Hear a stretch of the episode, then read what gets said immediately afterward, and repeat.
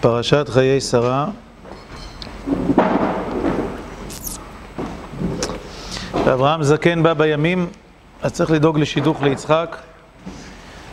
וחלק הארי של הפרשה עוסק בסיפור השידוך.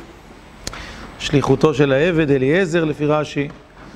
וכל המעשה הגדול עד ויביאה יצחק האוהל עשרה עמו ובעצם יש בפרשה רק עוד שני נושאים שהם פתיחה וחתימה הדומים אחד לשני. חתימה מהם פתיחה, מות שרה ומות אברהם. כן, הראשון זה מות שרה, השביעי זה מות אברהם, כן? ובאמצע כל הסיפור הגדול הזה. בעצם זה, זוהי הפרשה, כך שאפשר להגיד שפרשת חיי שרה זה פרשה של מעבר דור. כן, מעבר מהדור האחד לדור השני עם המון המון תשומת לב למוות על זה לא נדבר עכשיו, אולי בשבת, לא עכשיו. אני רוצה להתחיל משתי שאלות שמהן אני רוצה להתרחב לעניין גדול יותר. השאלה הראשונה היא האריכות הגדולה שהיא גם בעצם הכפלה, חזרה ברורה פעמיים ולכן כל, כמעט כל הפרשה עוסקת בעניין אחד. כל הסיפור של השליחות של העבד ומה שקרה לו, כשכידוע התורה מעריכה מאוד לספר בדיוק מה אברהם אבינו אמר לו ומה הוא אמר לאברהם אבינו ומה וכולי, מה הסכימו ואז איך הוא יצא ומה הוא אמר להשם ואיך הוא התפלל, הקרנה לפניי היום ומה הוא אמר ואז איך הגיע לבאר והנה רבקה יוצאת וכדה על שכמה ותמהר ותיאר וכו' ותוסף וכל הסיפור ואז הוא מגיע לבתואל ולבן וכשהם שואלים אותו וסדו צחדו, מה מעשיך פה? כן? אז הוא אומר להם את כל הסיפור מחדש, והתורה, ולא כתוב ויספר להם העבד את כל הדברים אשר עשה, או משהו כזה, את כל אשר קראו, כמגילת אסתר, יש הרבה פעמים במקרא לשונות כאלה, אלא כל האריכות הגדולה מחדש, עשרים פסוקים, פעמיים, כן? יותר. זה, זה נקודה אחת, אני לא, לא התייחסתי בשיעור אחר לכל ההיבטים של זה, אני אתייחס תכף רק לאחד מהם. להבין, כאילו, ככה נקודה משמעותית שאפשר ללמוד מהחזרה, להבחין מהחזרה. נקודה שנייה היא הפסוקים האחרונים של דווקא של פרשת וירא, שאף על פי שהם בפרשת וירא, הם נראים כאילו הם שייכים לפרשת חיי שרה. תראו, יש את הסיפור של העקדה, ואחר כך יש סיפור של מות שרה. בין הסיפור של העקדה לסיפור של מות שרה והיו חיי שרה, יש כמה פסוקים שלוקחים אותנו למחוזות אחרים, לארץ אחרת, למשפחה אחרת, ויהי אחרי הדברים האלה, ויוגד לאברהם לאמור, הנה ילדה מילכה גם היא בנים לנחור אחיך.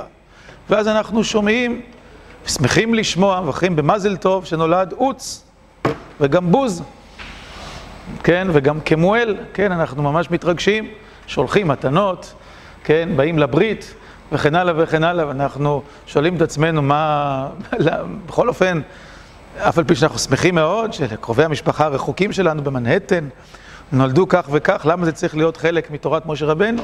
כן, מה זה עושה כאן? אנחנו ממשיכים לקרוא, מגיעים לפסוק שהוא כנראה בוודאי הסיבה הברורה לזה שזה נמצא כאן. את עוץ בכורו, את כסת, ובתואל ילדת רבקה. שמונה אלה ילדה מילכה לנחור אחי אברהם. כלומר, שכל הסיפור הזה מסופר בשביל לספר לנו שאי שם בארץ רחוקה נולד המשיח, לא המשיח, המשיחה. כן? כלומר, כן, שתגאל את... תגאל אותנו מההמשך, שתהיה עמנו, רבקה עמנו. בשביל זה הפסוקים מסופרים. אמנם אתם יכולים לשאול אותי, ואני אשאל בשמכם, כי אני בטוח שכולכם מרגישים עכשיו בלב את השאלה הזאת, אז אפשר להגיד את זה פסוק אחד, למה צריך לספר את זה באריכות? כסת, חזור, פלדה, שידלף, בתואל, כן? בשביל מה כל המייסה הזה? למה צריך, צריך את כל זה? אז יש תשובה אחת אולי שהיא קשורה לקריאה יותר רחבה של כל התולדות בבראשית. יש הרבה תולדות בבראשית, אותה אני אניח עכשיו. אבל אני רוצה להתמקד ב"ובתואל ילדת רבקה". אז למה, למה כתוב "ובתואל ילדת רבקה"? למה התורה מספרת לנו? ולמה היא מספרת לנו את זה עוד לפני ששרה מתה? כי באמצע הפרשה שלנו, אי שם ברביעי, כן? אז אנחנו נקרא, נעשה שלשלת יפה כזאת. ויאמר, נכון? השם אקרנה לפניי היום, ועשה חסד עם אדוני אברהם, ואז יהיה כתוב, והנה רבקה יוצאת. ואז כל מי שלא שכח את סוף הפרשה הקודמת בגלל הצ'ולנט הידוע, כן, הצ'ולנט הקדוש, נכון? אז הוא אומר, אה, שמענו על רבקה. נכון, היא נולדה, היה כתוב שהיא נולדה. ואנחנו מתרגשים, נכון, איך האינפורמציה המיותרת, כן, שהגיעה ממנהטן, מאי שם, כן, מארם נהריים, כן, פתאום הופכת להיות כל כך משמעותית, ובדרך מקרה, כאילו, פתאום הנה רבקה יוצאת, איזו הפתעה. אנחנו מאוד מתרגשים ושמחים ש, שהדברים התחברו ושקדוש ברוך הוא חיבר את הדברים והשידוך הצליח. אבל אז אנחנו שוכחים שיש פה משהו יותר מורכב. עכשיו אני נכנס אל הבעיה הראשונה, וזה שכש... אומנם כשהעבד מדבר עם בתואל ולבן, הוא מספר להם מה היה, אז הוא אומר להם, נס קרה לי, לא יאומן. אדוני אברהם אמר שאני צריך לקחת אישה ממשפחתי ומבית אבי, מ... כלומר, של אברהם, ואני אפילו לא ידעתי ואמרתי, נתתי סימן לקדוש ברוך הוא, ואיכשהו הדרישה של אברהם אבינו, שהאישה תהיה מביתו, ממשפחתו, והסימן שאני נתתי, התחברו לאחד ברצות השם, בהשגחת השם, וזה באמת דבר נפלא. נקרא את זה בפסוקים. ותלת שרה, פרק כ"ד פסוק ל"ו, ותלת שרה אשת אדוני בן לאדוני, אחרי זקנתה, ויתן לו את כל אשר לו. וישביעני אדוני לאמור, לא תיקח אישה לבני בנות הקטני אשר אנוכי יושב בארצו. אם לא אל בית אבי תלך, ואל משפחתי, ולקחת אישה לבני. ואחר כך שוב, ויאמר אלי השם אשר התהלכתי לפניו, ישלח מלאכו איתך, לקחת אישה לבני, וממשפחתי ומבית אבי, אז תינקה מעלתי, כי תבוא אל משפחתי. שלוש פעמים, זה מה שאדוני אמר לי, וזה הצליח, כי רבקה יצאה, והסימן שהשם נתן לי, זה גם הדרישה שאדוני דרש ממני, והכל אחד, שמור וזכור בדיבור אחד, שמיעה נועל המיוחד. יופי. אז אנחנו שמחים ש, שהדברים התאחדו, שהכל קרה כמו שצריך. ושפתואל ילד את רבקה של סוף פרשת וירא, מתחבר פה. ואנחנו מבינים למה זה כתוב. אבל אנחנו שוכחים שבאמת זה לא מה שאברהם אמר לו. כן? ופה שאלת החזרה הופכת להיות משמעותית. זה מה שהעבד אומר שאברהם אבינו אמר לו. אבל כשאנחנו קוראים מה התורה מספרת, כלומר העדות האובייקטיבית של מה שאברהם אבינו אמר לו, אנחנו לא קוראים את זה בכלל. נקרא, נלך עכשיו לפרק כ"ד בהתחלה. אברהם זקן בא בימים. ויאמר אברהם אל עבדו זקן ביתו, המושל בכל אשר לא עושים להתך תחת ירחי. והשביעך והשם אלוקי השמיים ואלוקי הארץ, אשר לא תיקח אישה לבני מבנות הכנעני, אשר אנוכי יושב בקרבו. עד כאן זה בדיוק אותו דבר, אותם מילים. ציטוט, מה שהעבד אמר זה מה שאברהם אמר, אבל עכשיו נקרא כי אל ארצי ואל מולדתי תלך ולקחת אישה לבני ליצחק. איך אמר העבד? אם לא אל בית אבי תלך ואל משפחתי. מה אמר אברהם? אל ארצי ואל מולדתי. המילים ארצי ומולדתי, מילים שמוכרות לנו, נכון? לך לך מארצך ומולדתך מבית אביך. הוא אבינו משתמש בהם, הוא אומר, יום, פעם, לפני שנים, השם אמר לי, לך לך מארצך, ועכשיו אני אומר לך, תחזור אל ארצי ואל מולדתי. ומשם תיקח אישה.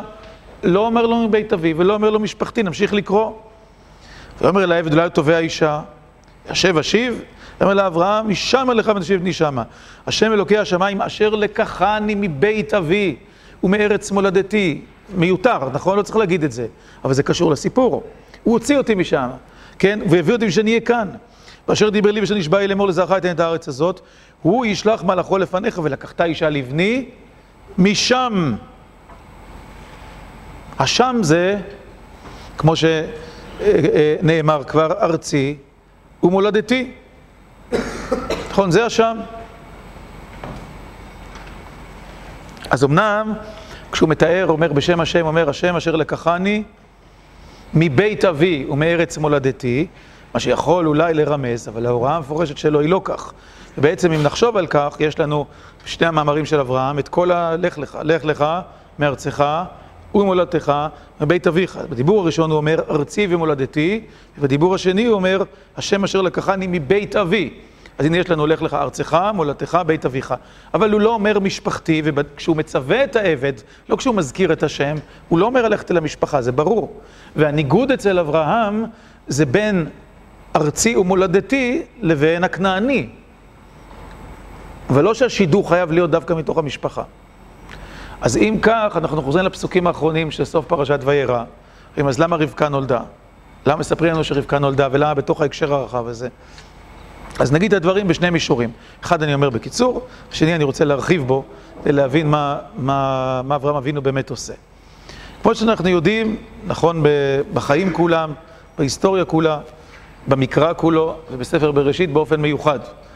אה, דברים בעולם מתנהלים במישורים שונים, יש מישור נגלה ויש מישור נסתר.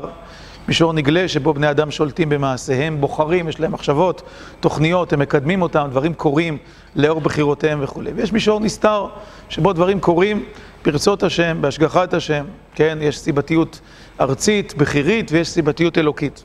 דיברנו גם שבוע שעבר בהקשר אחר.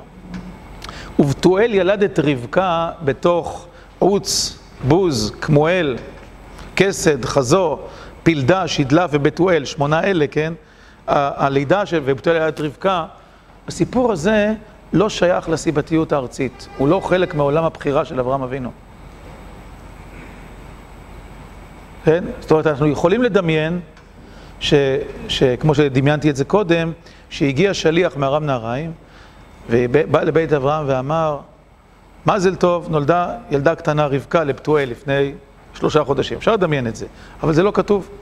לא רק שזה לא כתוב, ברור שאברהם אבינו לא משתמש במידע הזה. נכון? הוא לא אומר לו, תלך ותיקח אישה פלונית שהיא יוכל להתאים ל... ליצחק וכולי, הוא לא אומר את זה, זה לא, זה לא חלק מהסיפור. כלומר, זה משהו שקורה מאחורי הקלעים, במימד שבו אין בני אדם יודעים שדברים קורים והם משמעותיים, כן? מאחורי הפרגוד האלוקי. והתורה מספרת לנו את זה כדי שאנחנו, כן, זה ה... כן, מה, מה שקוראים לפעמים ה... בספרות, כאילו, כן, הקורא, הכל יודע, כן? זאת אומרת, אתה מקבל את, ה... את המידע, אתה יודע מה קורה, אבל מי שהדמויות בפנים, בתוך הסיפור, לא מקבלות. בפעמים בספרות, וגם בתיאטרון, ואל, כשאני אומר בספרות תיאטרון, שלא יעלה הרושם כאילו אני באמת מבין בזה. אני לא מבין בזה. באמת, לא שאני מבין. אבל פה ושם בשביל, ה, בשביל הלימוד, אז אני אומר מעט דברים ש... זה לא שאל תבקשו ממני אחר כך אה, מראה מקום למה שאני אומר, לא אתן לכם, בסדר? לא, כי אני לא יודע, לא, לא מתוכו הלב. אה, אבל, אבל, אבל מעט דברים שהם... אה, שהבנו אותם באמת בשביל, בשביל לימוד התנ"ך, שהם ניכרים. אז יש, יש התפקיד הזה של הקריין, נכון? כן, הקריין הרבה פעמים מספר לנו כל מיני דברים שקורים, שהגיבורים לא יודעים אותם, אלה שעל הבמה. כן, הם לא, לא יודעים שזה קורה. הוא מספר לנו שאנחנו נדע. והרבה פעמים זה קורה בספר, כן, שהסופר מדבר איתנו מעל הראשים של הגיבורים, כאילו הם לא יודעים את זה. מספר לנו, אתם יודעים, גם משהו וכולי. ואז אנחנו אחר כך נוכל להבין משהו ש, שיקרה. אבל מי שפועל בתוך הסיפור, הגיבורים של הסיפור לא יודע. זה גם אה, אמצעי ספרותי, אבל בתורה זה הרבה יותר מאמצעי ספרותי. זה להעביר את זה שבאמת המציאות מתנהלת בשני ממדים, נגלה ונסתר לפני הפרגוד ואחרי הפרגוד. דוגמה מפורסמת, כל ספר איוב בנוי על, על המבנה הזה, כן? ש... ש... בפרק הראשון מספרים לנו שיש דיבור בין השם לבין השטן, השטן בא משוט בארץ, מתהלך בה, ואז הוא אה, מספר לקדוש ברוך הוא, ראיתי, אה, הקדוש ברוך אומר לו, לא ראית את איוב, איזה צדיק? אומר לו, הנה צדיק? אז אומר לו, מה, הוא לא צדיק? אומר לו, צדיק, כי אתה עוזר לו, לא צדיק, כן, כל הסיפור וכולי, בוא נכשיל אותו, כן, עכשיו איוב לא יודע מזה כלום. הוא לא יודע שהשם דיבר עם השטן. וכשבא שווה, שודדים, שערה, כן? לקחת את הרכוש שלו, הוא לא יודע ש, שזה תרגיל שהשם עושה לו. אם היה יודע שזה תרגיל, זה לא התרגיל, זה היה מכשיל את התרגיל, לבחון אותו אם הוא צדיק או לא צדיק, נכון?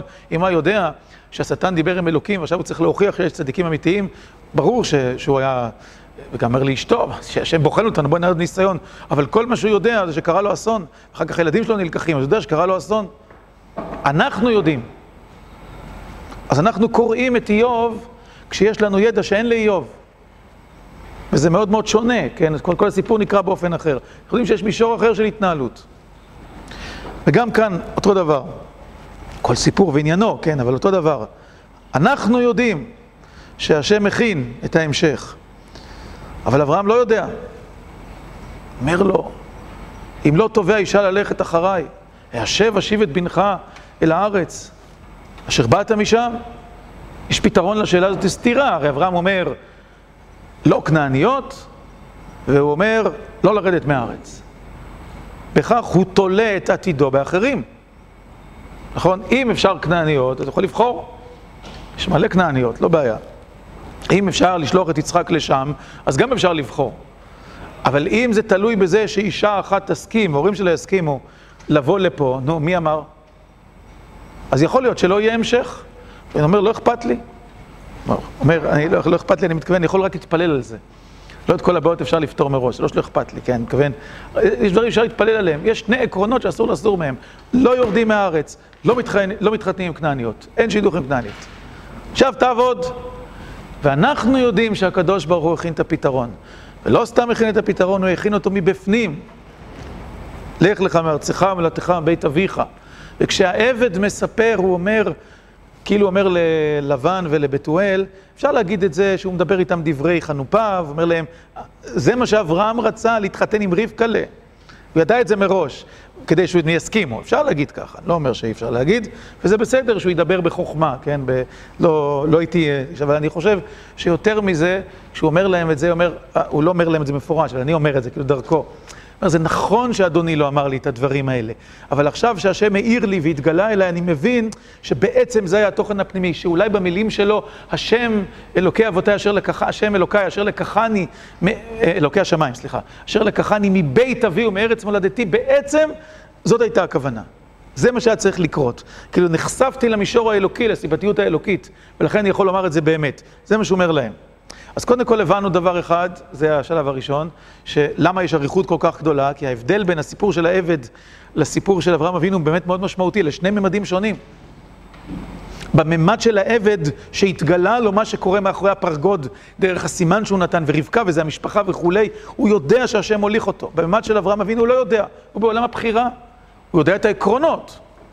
לא יורדים מהארץ, לא מתחתנים עם כנענים, והוא לא יודע מה יהיה, והוא לא מדבר על משפחה. אז דרך זה אנחנו מודעים להבדל ולחוכמתו של העבד, לעומק אמונתו של העבד, את זה אנחנו יודעים. אז למדנו על החזרה, וגם הבנו את התפקיד של ובתואל ילד את רבקה, ונגיד איזה משפט, למה זה כתוב ככה, למה לא כתוב פשוט עניינית. נחור ילד בתואל, בתואל ילד רבקה, אפשר להגיד את זה בקיצור. כיוון שבאמת הדברים קורים, הם, הם מסופרים כאילו שהם קורים כחלק מהתפתחותה של משפחה. זאת אומרת, התורה לא אומרת כאילו נקודה. קורים דברים במקום אחר שיש להם הרבה משמעויות. כמואל אבי ארם, כן? ארם מתפתחת שם, מי... גם זה חשוב, כאילו, אחר כך נדע שיש מדינה כזאת ארם. הרבה דברים קורים ברקע. ובתוך הרבה דברים שקורים ברקע, ונולדים ילדים, חלקם טובים וחלקם לא טובים, חלקם היו ידידים, חלקם היו אויבים, חלקם חסרי משמעות וכולי. בתוך המון המון לידות, סיפורים, מהלכי ימים, קורות חיים וכולי, יש סיפורים בודדים שהם משמעותיים. פתאום אור, זרקור, ובתועל את רבקה. בום. עכשיו, ברור כבר שקוראים את זה, אפילו מי שקורא את התורה פעם ראשונה, ולא יודע שאחר כך תהיה פגישה עם רבקה, שהפסוק הזה הוא פסוק מיוחד. למה לספר, אחרי שבסופו שנולדו שמונה בנים, שנולדה בחורה אחת, איזה, איזה טעם יש בזה? ברור שזה רמז מטרים בלשון הספרות, כן? ברור שזה בא להגיד משהו, כאילו שיקרה אחר כך. אין ספק. אבל אנחנו עוד לא יודעים מה, אם אני קורא את התורה הפעם הראשונה. בסדר? אז לכן זה מסופר באופן הזה. כלומר, כדי שגם אנחנו נלמד, המון דברים קורים בעולם, ובתוכם בסוף חוטים יתחברו לחלק מן האירועים וישלימו סיפור גדול, סיפור אלוקי, שאנחנו ניוודע לו רק רטרוספקטיבית. כלומר, רק בשעת מעשה, וכשהלב שלנו יהיה פתוח לראות שהשם מדבר איתנו, כמו שקרה אצל העבד. טוב, זה מימד ראשון. עכשיו, ב-20 דקות שנשארו, אני רוצה להרחיב את היריעה ולדבר על אברהם ועל מה שאברהם אבינו אמר לעבד. הוא יכול היה להגיד, לך לבית אבי ואל משפחתי, גם אם הוא לא יודע בדיוק מה קורה שם. נכון שזה לא היה נבון מצידו לעשות את זה. למה? כי הוא מקטין מאוד את הסיכוי, נכון? הרי גם ככה הוא קבע שני כללים, שני עקרונות, שטוב אמרתי, מתנים או תולים את האפשרות לשידוך, לא בעצמו, לא ברצונו, אלא ב... כן? כל בחור יכול למצוא איזה בחורה בארצו, נכון? בחורה אחרת. אבל למצוא בחורה שתסכים ללכת אחריו, זה הרבה יותר קשה, נכון? שהיא תהיה עוד ממשפחתו, על אחת כמה וכמה. הרי אברהם יודע שמשפחתו דווקא עשתה, עסקים טובים במנהטן. ארם נהריים, נכון, דיברנו, חרן, כן, דיברנו על זה הרבה פעמים. נכון, הרי הם הגיעו, ל, רצו ללכת לארץ כנען, והוא היחיד שהמשיך. הוא יודע שזה לא חלום חייהם, נכון, זה ברור. יש סיבות טובות להישאר שם ולא לבוא לפה. ולכן לא חכם מצידו, נבון מצידו, לצמצם את ההוראה רק למשפחה, זה בפשטות. אבל עכשיו בואו נסתכל יותר רחב. במוקד הדברים של אברהם אבינו נמצא הניגוד בין ארצי, מולדתי ובית אבי לבין כנען, נכון? זאת אומרת, זה ברור. אם הוא היה אומר רק משפחתי, הייתי אומר בסדר, הוא עושה שידוך מהמשפחה, כן, בפנים. אבל זה ברור שהניגוד הוא ניגוד של תרבות, של לאום. נכון? יש ארצי, מולדתי ובית אבי מצד אחד, מהם הוא יצא, ויש כנען מצד שני, ויש לאו גמור על כנען. עכשיו, בואו בוא, בוא נגיד, אה, אספר על זה כמה...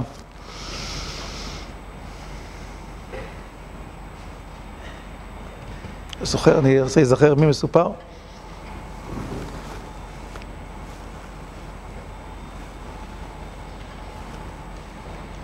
שהגיע איזה, איזה גויה הכרה, תשמעי, זה היה למגד מקוז'ניץ, אני חושב. דפקה בדלת וכולי, ושם אנשים לא הכניסו אותה, כאילו, מה, מה אישה צועקת, צועקת, מה? כל גויה מתקבלת אל הצדיק, יש לו דברים אחרים לעשות. אה, צעקה, צעקה. וזה אמר לו, אם לא, אני אלך לפריץ, אני על שם לא יכניס אותה.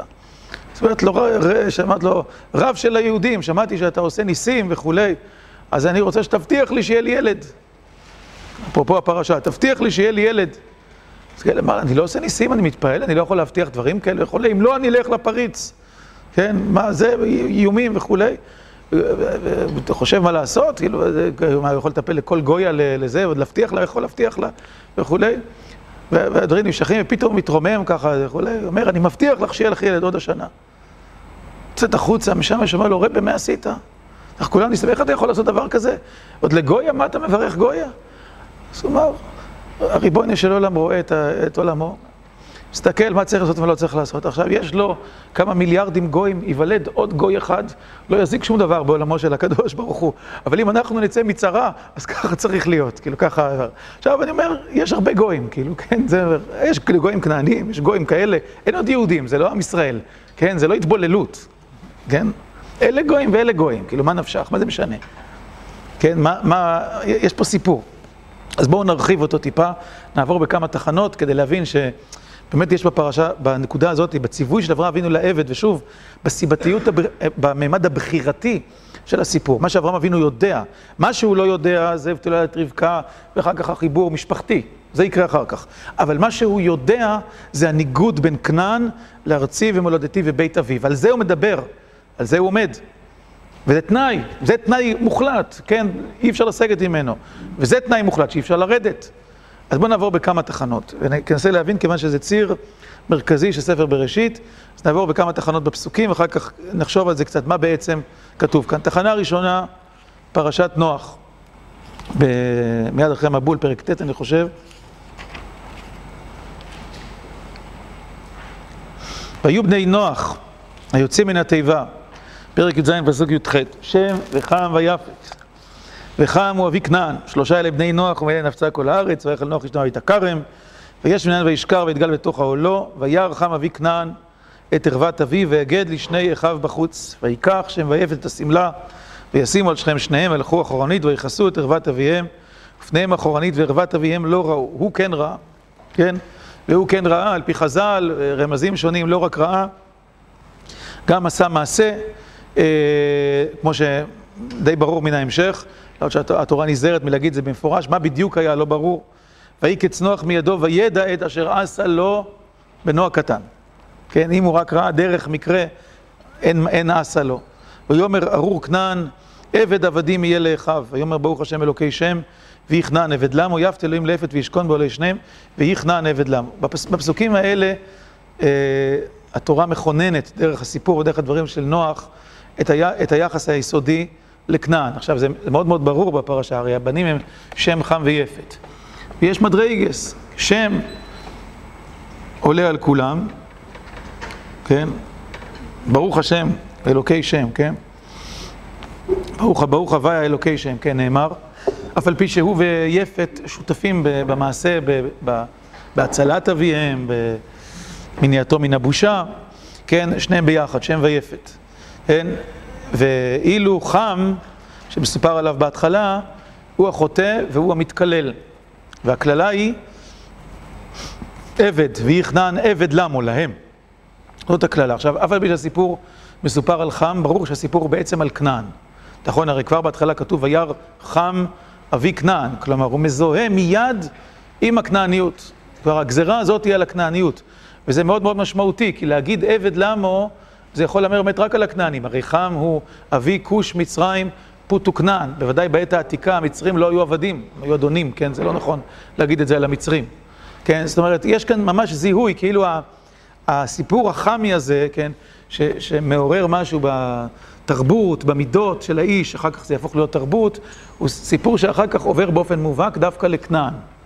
כן, זה, ה...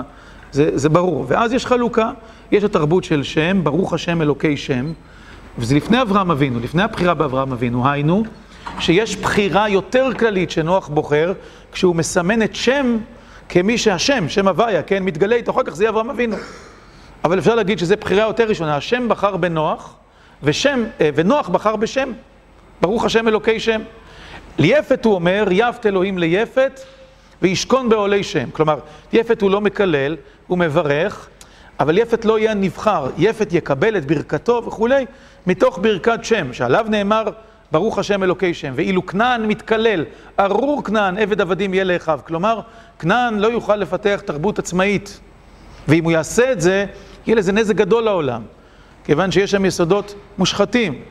בהמשך אנחנו נדע שהם מושחתים, כבר כאן כתוב שהם מושחתים בהיבט של גילוי עריות, כן, בתרבות הגילוי עריות בכנען, אבל בהמשך אנחנו נדע שזה גם קשור לעבודה זרה שלהם, כן, וכנראה שיש קשר, בין, ברור שיש קשר בין העבודה זרה הכנענית לבין הגילוי עריות. זה כבר בפרשה הזאת מסופר. על רקע הסיפור הזה, ושוב נגיד שאני לא יודע את התורה, התחנה הבאה, התחנה השנייה, היא תחנה מאוד מאוד מפתיעה. כי אם כנען זה כל כך גרוע, וכנען מתיישב בכנען, הלא היא ארץ כנען, הלא היא ארץ ישראל, פלסטיין, כן? ברור, כן? אז אם, אם, זה ה, אם, אם זה הסיפור, למה מכל הארצות בעולם אומר הקדוש ברוך הוא לאברהם אבינו, ויאמר השם אל אברהם, לך לך מארצך ומולדתך מבית אביך, והפסוק מיד אומר, ויצאו ללכת ארצה כנען, ויבואו ארצה כנען. למה בחר הקדוש ברוך הוא לאברהם אבינו, הנבחר בשם? מבחינה מוסרית, מבחינה אמונית, למה הוא בחר שילך דווקא אל הארץ של התרבות הקשה, המושחתת ביותר, כן? שהתקללה, תרבות המקוללת, שפוגעת בתרבות האנושית עד כדי כך שלא טוב שהיא תהיה עצמאית עד שהעולם יעבור את התיקון שלו, כן? חייבים להיות עבדים עד שהעולם ישתחרר מכל מושג העבדות והרמה המוסרית של כל העולם תעלה. עד אז הם חייבים להיות עבדים. אז למה, למה דווקא לשם? כאילו, למה, למה צריך להסתבך עם זה? אין מקומות שיש בהם רקע טוב יותר להתפתחות תרבותית, מה, מה הסיבה לכך? טוב. אז, אז אה, נחשוב על זה, אבל יש עוד כמה, אה, כמה תחנות שצריך לעורר עליהן, כן, נעבור, אה, נעבור בהמשך. הסיפור של, של הליכה לכנען והשלילה של כנען, כן, מה שנראה מעין סתירה או, או קושי, כן, למה, למה זה קורה כך, הולך ונמשך ב, לאורך כל ספר בראשית. בפרשה שלנו הוא מתברר דרך המתח של, של השידוך, של הנישואים. אי אפשר להתחתן עם כנען, אברהם אבינו קובע את הכלל. אחר כך הכלל הזה יהפוך להיות כמעט כלל אצבע, כלל מברר של מי יכול להיות יורש ומי לא יכול להיות יורש. נעבור על זה במהירות, בפרשת תולדות. כן, עשו, יעקב, כן, יש, זה, יש לו אופי כזה, זה יש לו אופי כזה, כמו שאנחנו יודעים, יצחק אהב את עשו כציד בפיו, ולמרות שלא היה תלמיד חוכם, היו לו כנראה מדרגות אחרות, ואף על פי שחז"ל אומרים שהוא היה מלא חנופה והוא שיקר לאביו, פשוטו של מקרא זה לא כתוב, הוא באמת היה איש ציד, ואפשר לראות על האישיות שלו שבימינו היינו, לא רוצה להגיד, תחשבו, אה, בימינו הוא, הוא, לא, היה, הוא, לא, הוא לא סיים בית ספר, בסדר? הוא לא עשה בגרות, הוא עשה משהו אחר בימי הנערות, כן, וכולי, אבל היה בחור עם כוחות ואהב את אביו. ושירת אותו, זה ברור, כאילו, כן? לאורך כל הדרך, והייתה בו איזו חיוניות אדירה, וכוחות גדולים וכולי. וזה לא גרם ליצחק, זה שהוא לא היה מנומס, עדין, אה, תלמיד חכם וכולי, זה לא גרם ליצחק להיפרד ממנו. הוא ראה את הכוחות האדירים שיש ל... לילד הזה. מתי התחיל להתברר המרחק? רק, כתוב בפרק כ"ו, בסוף פרק כ"ו, פסוק אה, ל"ד, ויהי עשיו בן ארבעים שנה ויקח אישה את יהודית בת בארי החיתי ואת בוסמת בת אילון החיתי ותהיינה מורת רוח ליצחק ולרבקה. חטא זה כנען, אה, אה, כנען הוא שם, אה, שם משפחה, כמו שהאמורי זה שם משפחה, הם, הם מתחלפים לפעמים, לפעמים נקראים כנעניים אמורים, בדרך כלל כנענים, הארץ נקראת ארץ כנען, וחטא זה אחת, ה, אחת הקבוצות בתוך הכנעניים, ישבו בחברון, באזור חברון, נכון? עפרון יושב בתוך, וישתחו אברהם לפני עם הארץ, עפרון יושב בתוך בני חטא, כן? זה של כנענים. עכשיו, אברהם אבינו אומר להם, בפרשתנו, פרשת חיי שרה, גר ותושב אנוכי עמכם. גם זה צריך לשים לב, אני לא חלק מכם. גר ותושב אנוכי עמכם. אני לא, אני לא חלק מהסיפור. אז התחנה הבאה זה כשעשו לוקח בעצמו נשים חיתיות, רש"י מדבר על הקטורת של העבודה זרה, ותהיינה מורת רוח, ושעיני יצחק כהות מהצער, כן, של הקטורת של העבודה זרה, אף אם זה לא מפורש, זה אגדה שמשלימה את העניין, כן? הרי ברור שכל המשפחה הזאת מתרחקת מהתרבות הכנענית, אז איך עשו עושה דבר כזה? איך זה יכול להיות? ואחר כך אנחנו רואים שאחרי כל הסיפור של גנבת הברכה וכולי, שאנחנו לא בטוחים לאן זה הולך, באה רבקה ואומרת ליצחק בסוף פרק כ"ז, ותאמר רבקה ליצחק, קצתי בחיי בנות בני חטא. אם לוקח יעקב אישה עם בנות חטא כאלה, עם בנות הארץ, למה לי חיים? הרי כל מה שהלכתי לארץ הזאת, כל מה שבאתי לכאן, אומרת רבקה, אני צריך לשמוע אותה מהפרשה שלנו, זה כדי שזה לא יקרה. כי אברהם אמר, אין לשאת אישה. אברהם סבא, כן? מקים האומה. אומרת ליצחק, שזה לא יקרה, אז איך אתה לא דואג לזה? איך זה יכול להיות? וזה מה שעשו עשה. ואז יצחק קורא ליעקב, ויברך אותו, ויצווהו, לא תיקח אישה מבנות כנען. חטא זה כנען, אמרנו, אתה לא יכול לנהוג כמו עשו. ועל ידי זה תהיה אתה ממשיך המשפחה, יורש. כן, מי שהשם בוחר בו להקים את עם ישראל. וייתן לך את ברכת אברהם, שאמר לא תיקח אישה מבנות כנען, זה הסיפור. וישלח יצחק את יעקב וילך פדנה ארם, מלבן תואל ארמי אחרי רבקה. וירא עשיו כי ברך יצחק את טוב, וישלח אותו ולקחת לו אישה, ויצווה אותו לאמור, לא תיקח אישה מבנות כנען, הוא מבין שהוא כנראה אה, הפסיד, הפסיד את הבחירה. וישמע יעקב אל אביו, אל אמו וילך פדנה ארם, וירא עשיו כי ראות נותן בני יצחק אביו, וילך עשיו אל ישמעאל. אז הוא עושה חתונה בתוך המשפחה, מישמעאל, אחר כך. אבל הוא כבר הפסיד. כי הוא קישר את עצמו לתרבות שאברהם אבינו ציווה להתרחק ממנה, שהקדוש ברוך הוא סימן אותה כתרבות מושחתת שאי אפשר להשתדך, את האי אפשר לבנות בתוך הבית את, ה, את ההקשר התרבותי הזה. וכל הסיפור אומר שעשו לא הפסיד כי הוא היה איש ציד, כי הוא היה אדום, אדמוני, כי הוא היה חמזג, או כל הדברים האלה וכו', לא, בגלל זה הוא הפסיד. זה, זה, זה מה שהסיפור אומר, בגלל בנות כנען. ואחר כך אנחנו חוזרים ל, ליעקב אבינו, פרשת וישב, וישב יעקב בארץ מגורי אביו, בארץ כנען. הוא מתיישב בארץ כנען, כן? ואנחנו זוכרים שאברהם אבינו לא התיישב בארץ כנען, והוא לא היה אזרח, והוא לא רוצה להיות אזרח, הוא מבקש קרקע רק על רקע של נחלת קבר, אחוזת קבר, אבל לא, לא על רקע של התיישבות. ויעקב אבינו כן קונה שדה בשכם, והוא מחליט כן להיות חלק מאזרחי הארץ. לקנות שדה זה להיות אזרח. כן? לא לקנות שדה זה להיות תושב. קרב תושב אנוכי עמכם. לקנות שדה לקבורה, זה אומר אני נועץ משהו בארץ הזאת, אבל אני עדיין לא הופך להיות חלק מאזרחי הארץ. אברהם אבינו בארץ כנען מעדיף להיות גר. אני שייך ולא שייך. נשיא אלוהים אתה בתוכנו מבחינת הכבוד, אבל אזרחות אין. אברהם אבינו לא רוצה אזרחות.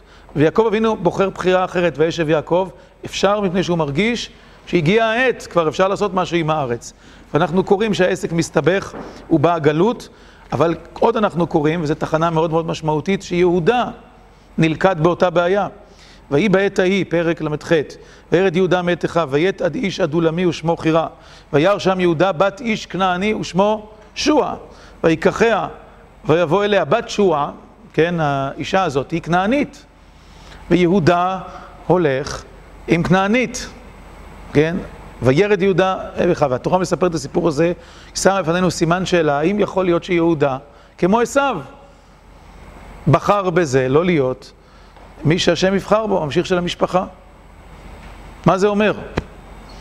כן, יש פה שאלה כבדה. עכשיו, כיוון שבאותה פרשה עצמה מסופר שגם יוסף נזרק, והם שני המועמדים, או יהודה או יוסף, אנחנו עומד בבעיה, אנחנו לא יודעים איך יהיה המשך, נכון? וזה לא, לא פרשת שבוע, צריך לדבר על זה בשעתו. אבל בשביל זה התורה מספרת את הסיפור הארוך הזה. באמת, באמת יש כאן בעיה. ואני חוזר אה, רגע אחד אחורה לברית בין הבתרים, גר יהיה זרעך בארץ לא להם, עבדום ועינו אותם ארבע מאות שנה, וגם את הגוי אשר יעבודו דן אנוכי, ואחרי כן אצא ברכוש גדול, ודור רביעי ישובו הנה, כי לא שלם עוון האמורי עד הנה. כך כתוב בברית בין הבתרים. ועכשיו ננסה לחשוב, כשאנחנו רואים את כל הרצף, את כל התחנות שעברנו עליהן, מה, מה התורה אומרת לנו, מה, למה הקדוש ברוך הוא הוליך את ההיסטוריה, הוליך את אבותינו באופן הזה, ולמה ארץ ישראל, ארץ הנבחרת, ארץ השם, היא דווקא הארץ של העם המקולל, כנען, כן? למה באנו אל המקום שתרבות של קללה התיישבה בו, כאילו, כן, יש בזה, כן, איך, איך אפשר להבין את זה?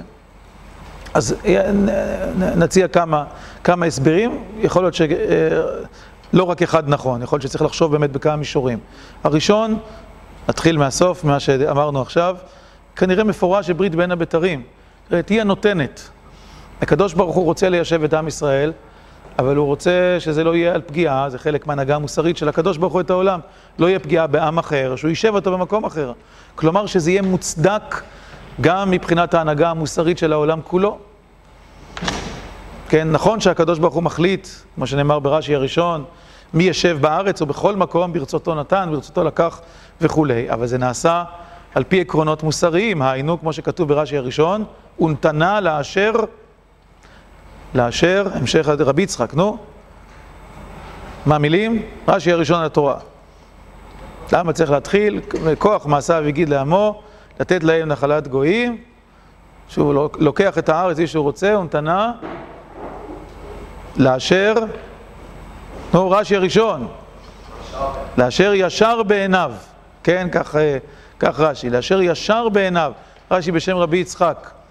לאשר ישר בעיניו, זה לא כמו בלשון המדוברת היום, אה, למי שהוא רוצה, למי שבא לו, ככה, כן, אלא לאשר ישר בעיניו, זה מדויק. כן, הביטוי מירמיהו, זה פסוק בירמיהו, כן? לאשר ישר בעיניו, מישהו ישר בעיניו, שהוא ראוי בעיניו. מבחינה מוסרית, לא השם נותן את הארץ, זה המפתח. לכן, בכנען יש עם מושחת, שלא ראוי שהוא יהיה עם עצמאי בארצו וכולי, ולכן זה המקום שאליו נשלח עם ישראל, וייקח ארבע מאות שנה, כי לא שלם עוונה אמור ידנה. רק כשזה יהיה ראוי מבחינה מוסרית, אז השם יעשה את זה. בורא עולם יכול להגיד, העם הזה לא ראוי, בשלב הזה הוא כבר לא ראוי להיות עם שולט בארצו, עם חופשי בארצו. לא. אבל זה, זו הכרעה אלוקית. הנימוק הזה, ההסבר הזה, לכאורה, כמעט מפורש לגמרי בברית מהפטרים, כמו שאמרתי. בגלל זה 400 שנה, כי לא שלם עוון האמורי עד הנה. אז למה הוא נשלח לשם? כי עוון האמורי כבד. בסדום כבר הקדוש ברוך הוא החליט, כן? חטאתם כי כבדה מאוד, אבל הכנעני עוד לא הגיע, לא הקדיש את הסאה עד כדי כך. לכן עם ישראל צריך להמתין. כן, זה, זה קשה לשמוע, זה כזה, כן, כמה איסורים עברו אבותינו, כאילו בשביל זה, אבל כנראה יש גם הסברים אחרים או סיבות אחרות. כן, אבל, אבל זה, זה ראשון. הסבר שני, אה, נגיד נקרא לו מקרי, כן, להליכה לארץ כנען. לארץ כנען יש מעלות אחרות לגמרי שלא קשורות לכנען. יכול להצטרף להסבר הראשון. שהיא אה, ארץ על הגבול של אקלימים שונים, שהיא פונה לים, שהיא הצומת בין שם חם ויפת, כן? שם סוריה ואילך, אה, חם, כנען, מצרים וכולי, יפת הים, כן, אירופה, אז להיות במרכז, יפת אלוהים ליפת, וישכון בעולי שם וכנען עבד למו. אם אנחנו צריכים להיות המרכז, אנחנו צריכים להיות כאילו בציר העיקרי, שמצד אחד פונה ליפת, מצד אחד פונה לחם, מצד שלישי פונה לשם. זה הסבר שלנו. טוב, בסוף, זה עובדתית הארץ של הכנעני, אז צריך להתייחס לזה, צריך לנהל את זה, אבל לא בגלל שזה הכנעני. זאת ה... זה ההסבר השני. הסבר שלישי, היא הנותנת, מפני שכנען מקולל, והוא לא יכול להיות אומה עצמאית, והיא כנען עבד למו, עם ישראל ישלח לשם. כדי שהתרבות הכנענית תוחזק, תישלט, כיוון שהנזק של התרבות הכללית יהיה הוא עצום. ולכן מצווה הקדוש ברוך הוא את אברהם אבינו ללכת ולרשת דווקא את הארץ שיש בה יסודות תרבותיים מושחתים, מוסריים מושחתים, רעים, מזיקים, אומר, בתחום גילוי העריות, בתחום העבודה זרה והדברים קשורים אחד לשני, יש זמן עכשיו לפרט את זה, בשני התחומים האלה באופן ברור, כדי שהתרבות הזאת תהיה בשליטה והיא לא תזיק לעולם כולו, ולקיים את קללת נוח, והיא כנען עבד למו, זה הסבר שלישי. וההסבר הרביעי שהוא אה, מעמיק את כל הקודמים, אני חושב, כאילו, יותר עמוק, ואני חושב שבסוף בשורש התורה, הוא, הוא בעומק התורה, מפשוטו של מקרא, הוא אמת ונכון, אבל הוא לא כתוב באופן נגלה. כן, נמצא למצוא אותו הרבה בקבלה ובחסידות. אני חושב שהוא גם עומק פשוטו של מקרא. אחרי שאמרנו את כל זה, אנחנו נזכרים שחם שדובר עליו, ואחר כך עשיו שמתחתן עם הכנעניות, ויהודה, שלא נזרק החוצה מאיזושהי סיבה וכולי, החיבור הזה בא דווקא אצל הכוחות הכי חיוניים בבית ישראל, כן? דבר על עשיו, דבר על יהודה, זאת אומרת, זה אנשים עם עוצמות אדירות, כן? כמו שאנחנו רואים אחר כך. כנען אמנם מייצג תרבות מושחתת, אבל התרבות המושחתת קשורה לזה שיש שם ויטליות, חיוניות, כן? עוצמות חיים אדירות שהן מתגלות באופן מאוד גס, גשמי, תאוותני, כן? ובמובן הזה הם הורסים את התרבות. הם הורסים את הקיום, כיוון ש, ש, שהמיניות שקשורה בזה, העבודה זרה, הגסה, הוולגרית ש, שקשורה בזה, הם הרס התרבות, הם הרס המוסר. אבל יש שם מצד שני כוחות אדירים. עכשיו, עם ישראל מגיע, אברהם אבינו מגיע מאוהלי שם, כן, בדימוי, מגיע מהמקומות הגבוהים של הרוח, של המוסר, של מוסר השם, של צדק אלוקי וכולי. ויעקב איש תם יושב אוהלים. הקדוש ברוך הוא שולח את עם ישראל ל... לארץ כנען, אל הכנעני, מפני שאם עם ישראל יישאר, כאילו, באיזה מקום שישאיר אותו במרום העבודה הרוחנית, המוסרית וכולי, יהיה חסר משהו יסודי מאוד בעולם. ועכשיו אפשר לומר את זה בדרך פנימית, לא בדרך אה, חיצונית, לא רק בהיסטוריה, אלא בדרך פנימית. השעבוד של כנען משמעותו בעצם העלאה, לקיחה של הכוחות הכנעניים ושעבודם אלינו, כלומר אל הרוח, אל המוסר, אל הצדק, אל האמונה. ובתוך המרחב הזה, הכוחות הללו, הפיריים, שאצל כנען באים לידי, לידי ביטוי בהשחתה, צריכים להופיע באופן נכון בתוך עם ישראל. עם ישראל בלי כנען לא יכול לתקן עולם. עם ישראל צריך את האתגר הכנעני, הוא גם משלם עליו מחיר כבד, לא, הוא לא רק צריך אותו. מחיר כבד של התבוללות, לא תתחתן בם, בתך לא תיתן לבנו וילכו אחרי אלוהים אחרים, כל ספר שופטים וכולי, כן, ההשפעה הכנענית, אחר כך בית עומרי, אחאב, ההשפעה של זה בישראל, ביהודה, יש נזקים עצומים לדבר הזה. אבל רק ההתמודדות הזאת, והבנה של, של עם ישראל, שהשליטה שלו בכנעניות, בכוחות הכנעניים, אלה ההיסטוריים, אבל גם אלה הנפשיים, הפנימיים, התרבותיים, אלה שלנו, ורתימתם אל המוסר, אל הצדק, אל עבודת השם, וייחודם, בלשון חסידית או קבלית, העלאתם, המתקתם, כן, וכולי, רק היא יכולה לגאול עולם. כי אלה הכוחות היסודיים של הקיום, של הבריאה. נכון, במרחב האנושי הם השחתה, הם, הם, הם, הם כוח הרס, פרא, כן, שהורס את העולם, מבולבל העולם, בגלל, בגלל הכוחות האלה. אבל ביטולם, או יצירה של איזו שכבה אנושית שהיא בכלל לא נמצאת במישור הזה, לא יכולה לגאול את העולם. העולם צריך להיגאל מלמטה. ולהיגאל מלמטה זה להתמודד עם התרבות הכנענית, עם הכוחות הכנעניים הארציים, וישב יעקב בארץ מגורי אביו, בארץ כנען, ולהצליח לרתום אותם, להעלות אותם, למשול בהם, ולהפוך אותם לחלק מהקיום שלנו. במובן הזה, הפרוצדורה של גיור של עבד כנעני, כן?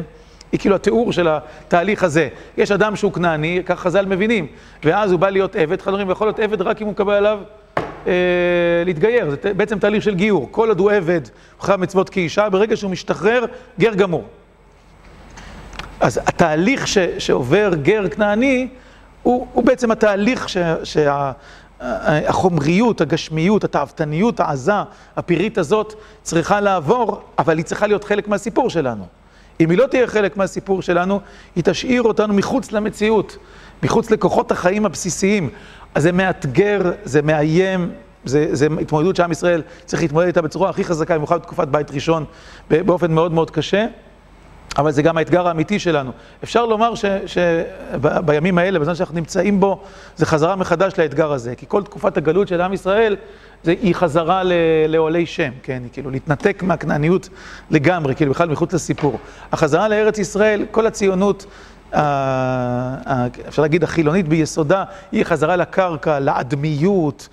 לחיוניות, לעשוויות, עד תנועות כנעניות שהיו, כידוע לכם כנראה, הן בארץ. ממש כאילו חזרה ל...